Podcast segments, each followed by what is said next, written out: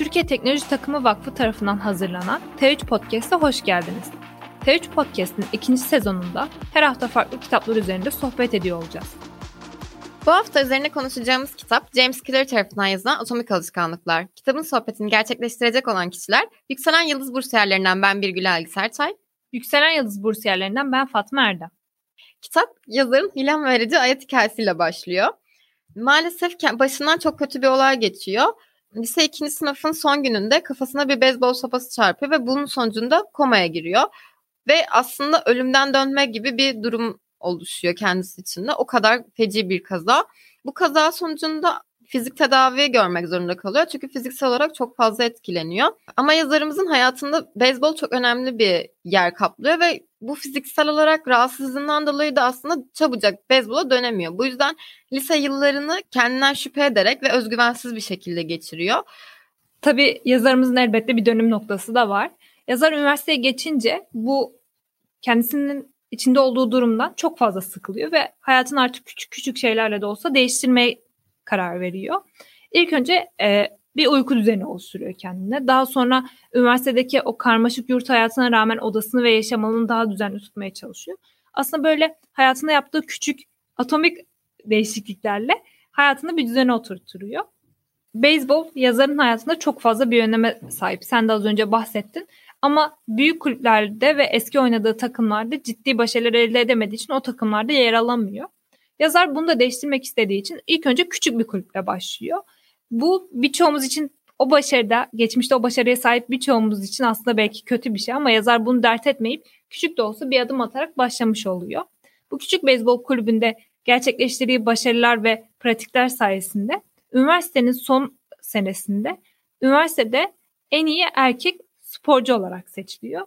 Ve bu aslında bence yazarın hayat hikayesinin nereden başladığını ve nereden bittiğini karşılaştırınca aslında bence bu okuyucular için ciddi bir motivasyon kaynağı oluyor.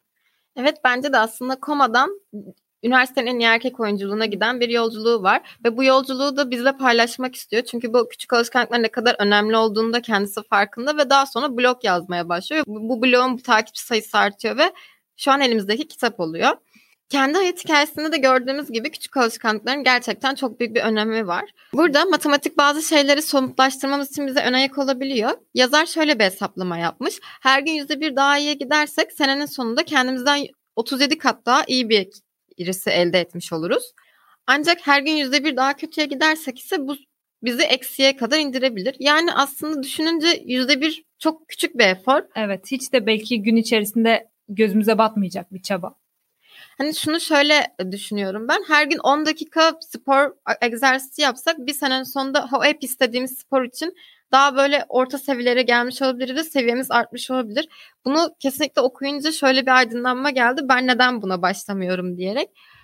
Yani kesinlikle yüzde birlik küçük, küçük adımlarla büyük sonuçlar elde edebiliriz. Peki biz bu alışkanlıkları nasıl kazanabiliriz? Hep söylüyoruz bu alışkanlıkları kazanmamız gerekiyor ama biraz zorlu bir süreç olabiliyor hepimiz için. Burada da bazı adımlardan bahsetmiş bize. Evet yazar burada dört tane yasadan bahsediyor aslında alışkanlık kazanmak için. Bu dört yasa şu şekilde. Görünür kılmak, cazip kılmak, kolaylaştırmak ve tatmin edici kılmak. Aslında bu yasaların içinde bu yasaların detaylarına girmeden de kelime anlamları bence bize her şeyi anlatıyor. Bunların üzerine oturup birazcık düşündüğümüzde. Tabii kazanmak istediğimiz alışkanlıkların yanı sıra bir de e, vazgeçmek istediğimiz alışkanlıklar var. Kötü alışkanlıklar. Bunlar için de aslında bu dört yasanın tam tersi şekilde ilerlememizi tavsiye ediyor. Ve aslında daha önce bir alışkanlık kazandığımızda ki süreçlerimizi göz önüne getirdiğimiz zaman buradaki bu dört e, aşamanın da neredeyse e, cevapları bulabilmiş oluyoruz. Senin bu yasalardan en çok hangisi dikkatini çekmişti? Benim en çok ilgimi çeken yasa açıkçası görünür kılma yasası oldu. Çünkü bunu çokça hayatımda uyguladığım bir yasa. Yani insanın aslında gözünün önündeki şeyler daha çok ilgisini çekiyor. Gözümüz önünde olmazsa onu da unutabiliyoruz bile. Herkes gibi benim de biraz su içmeyle ilgili problemlerim olabiliyor ve su içme alışkanlığını yazarın önerisiyle şöyle kazanabiliriz. Odamızda birkaç noktaya sürekli uğradığımız noktalar özellikle bir bardak su koyarsak o noktalarda uğradığımızda aklımıza gelip o suyu içebiliriz. Bir de mesela sen de dedin e, bazı alışkanlıklarımızdan kurtulmak isteyebiliyoruz. Her ne kadar alışkanlık kazanmak istesek de kurtulmak istediğimiz alışkanlıklar da olabiliyor. Bunlardan biri de yine yemeden örnek vereceğim. Bazılarımız için abur cubur yemek problem olabiliyor. Bu alışkanlığımızdan da aslında o burcu burları gözümüz önünden kaldırarak kurtulabiliriz. Bu noktada yazar gerçekten çok mantıklı bir yasa söylüyor. Peki senin ilgini çeken yasa ne oldu? Ben de e, burada cazip kılma yasası benim çok fazla dikkatimi çekti. Bence zaten birçoğumuz bu cazip kılma yasasını günlük hayatta kullanıyordur diye düşünüyorum. Burada aslında kazanmak istediğimiz yasa ne kadar cazipse ya da onun sonunda ne kadar güzel bir ödül varsa o alışkanlığı kazanmaya o kadar çok motive oluyoruz. Yani edinmek istediğimiz alışkanlık aslında e, dopamin seviyemize, o alışkanlığın salgıladığı dopamin seviyesiyle alakalı. E, bunun için de yazar çok güzel bir formül betimlemiş aslında. Bu formül şu şekilde. E, rutin olarak yani genel olarak yaptığımız bir şeyin sonuna kazanmak istediğimiz alışkanlığı ekliyoruz. Bu alışkanlığı tamamladıktan sonra sonuna bir ödül koyuyoruz. Bu ödülle beraber aslında o kazanmak istediğimiz alışkanlığı sürekli tekrar ediyoruz. Bu alışkanlık bir süreden sonra hayatımızın e, içine adapte olmuş oluyor. Mesela ben bu yasayı okuduktan sonra üniversitede çok yoğun bir dönemimdeydim. Çok fazla proje ödevim vardı ve şu şekilde uygulamaya başladım. Akşam eve döndüğüm zaman ne olursa olsun 30 dakika boyunca çok kısa bir zaman ama 30 dakika boyunca o projeyle ilgili belirli bir ilerleme sarf ediyordum. Bu 30 dakikayı tamamladıktan sonra da kendime vakit ayırıyordum ve günü orada bitiriyordum aslında. Ee, birkaç hafta sonra fark ettim ki aslında bu 30 bu 30 dakikalık küçük değişiklikler aslında benim proje çok daha hızlı ve çok daha güzel bitirmeme sebep olmuş ve her proje tesliminin sonunda yaşadığım o stresi yaşamamaya başlamışım. Aslında bu tarz küçük değişikliklerle hayatımın bir kısmını şimdiden düzene sokmuş oldum. Aslında kitapta da çokça görüyoruz. Yazar alışkanlıklarımızı güzelleştirerek gözümüze güzel geldikçe bunları kazanabileceğimizi söylüyor. Cazip kılmak, görünür kılmak yasaları da buna bir hani hepsi genel olarak kitapta böyle konuşuluyor.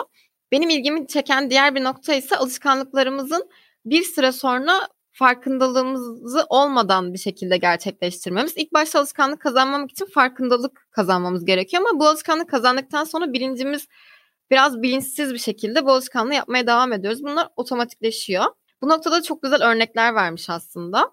Bu verdiği örneklerden biri de e, çok ilginç ve komik bir örnek aslında. İndirim kuponlarını kesmek için çalışan bir mağaza çalışanı kasiyer kısmına geçtiğinde kredi kartını kesiyor ve bunu farkında bile olmuyor. Bu alışkanlıklarımız aslında bazen bizim için problemler de yaratabiliyor demek ki. O yüzden birazcık farkındalığımızı arttırmamız gerekiyor. Bu farkındalığı arttırmamız için de bazı şeyler yapabiliyoruz aslında. Evet çok haklısın yani o eğer yaptığımız alışkanlığı ya da günlük olarak gerçekleştirdiğimiz rutinlerin ne kadar çok farkında olursak o kadar çok o rutinleri düzeltme şansı elimizde oluyor. Burada bu farkındalık için işaret etme ve seslenmenin öneminden bahsediyor yazar. Bilinçsiz bir davranışla ilgili farkındalığımızı yükseltmek istiyorsak yazar burada işaret etme ve seslenme yöntemini kullanmamızı öneriyor. Ben aslında bu yöntemi çok beğendim çünkü e, kitabı okumadan önce bu alışkanlığı yaptığımı fark ettim ve kitabı okuduktan sonra A, demek ki ben bunun için yapıyormuşum gibi oldum. Ee, yazarın bir arkadaşının eşi evden çıkmadan önce anahtar, telefon ve cüzdan diyerek sesleniyormuş. Bunu aslında ben de yapıyorum ki e, o zaman o anda daha böyle farkında olduğumu hissediyordum. Bu aslında işaret etme yöntemi olarak geçiyor ve bu şekilde sesli bir komutla kendimizden emin olabiliyoruz ve bilinçliğimizi arttırıyoruz. Yoksa öteki türlü bir şey unutabiliyoruz. Yani aslında günlük olarak yaptığımız bu rutinler, bu alışkanlıklar belli bir süre sonra kimliğimizin bir parçası olarak geliyor. Yazar alışkanlık ve kimlik ilişkisinden de bahsetmişti. Değişimin üç katmanı olduğunu belirtiyor. Bunlardan ilki sonuçlarımızın değiştirilmesi, ikincisi sürecimizin değiştirilmesi, üçüncü ve en derin katman da aslında kimliğimizin değişmesi. Eğer kimliğimiz değişirse o alışkanlık artık bize oturmuş oluyor ve bu alışkanlığı gerçekleştirmek için herhangi bir çaba sarf etmemiş oluyoruz. Aynen öyle. Aslında bu çok hoşuma gitti çünkü bazen alışkanlıklarımızı bir görev olarak nitelendirilebiliyoruz ama yazar bunu alışkanlıklarımızın kendimizin bir parçası olarak söylüyor ve bu bu şekilde düşündüğümüzde daha da kolaylaşabiliyor alışkanlık kazanmamız. Şöyle bir örnek vermiş ve bunu kesinlikle uygulamak istiyorum. E, sağlıklı beslenmek isteyen bir kişi bu alışkanlığı kazanmak için sadece sağlıklı beslenmeye odaklanabiliyor. Ama yazar diyor ki sağlıklı bir insan ne yer?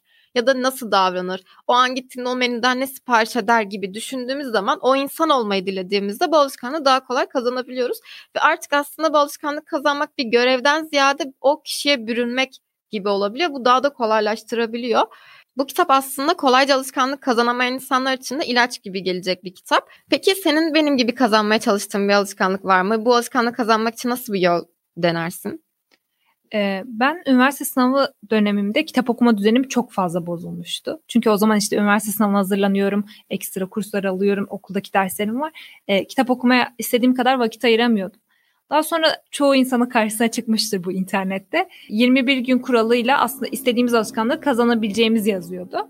Ben de 21 gün boyunca her gün 50 sayfa kitap okumaya karar verdim. Böylelikle o alışkanlığı geri kazanabileceğimi düşündüm.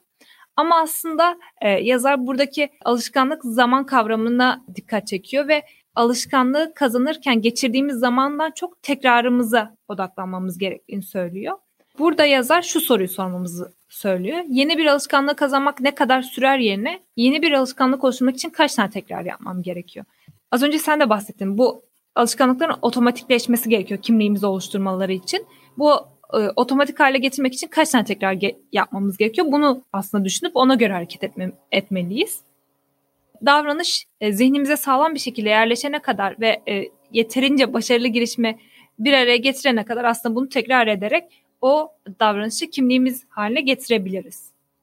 Yani aslında ikimizin de bu kitap okumadan önce ve okuduktan sonra bazı alışkanlıkları nasıl edinebileceğini öğrendik ve açıkçası bu kitaptan sonra alışkanlıklarımızı daha kolay e, edinebileceğimizi düşünüyorum. Alışkanlık oluştururken kendimizi, davranışlarımızı ve alışkanlıklara yaklaşım şeklimizi çok iyi belirlemeliyiz bu noktada. Bu kitapta bu konu hakkında bize gerçekten yol gösterici oluyor. Her her sayfasında farklı bir şey öğrenebiliyoruz. Hedeflediğiniz kimliği oluştururken karşınıza çıkan sorunlarla, anlattığımız yasa ve kurallarla aynı biz gibi başa çıkabilirsiniz diyerek bugün kitap sohbetimizin sonuna geldik. Bu kitap sonunda hayatınızı küçük değişikliklerle dönüştürmeye cesaret edebilirsiniz. Yeni bölüm duyurularımız için sosyal medya hesaplarımızı takipte kalmayı unutmayın.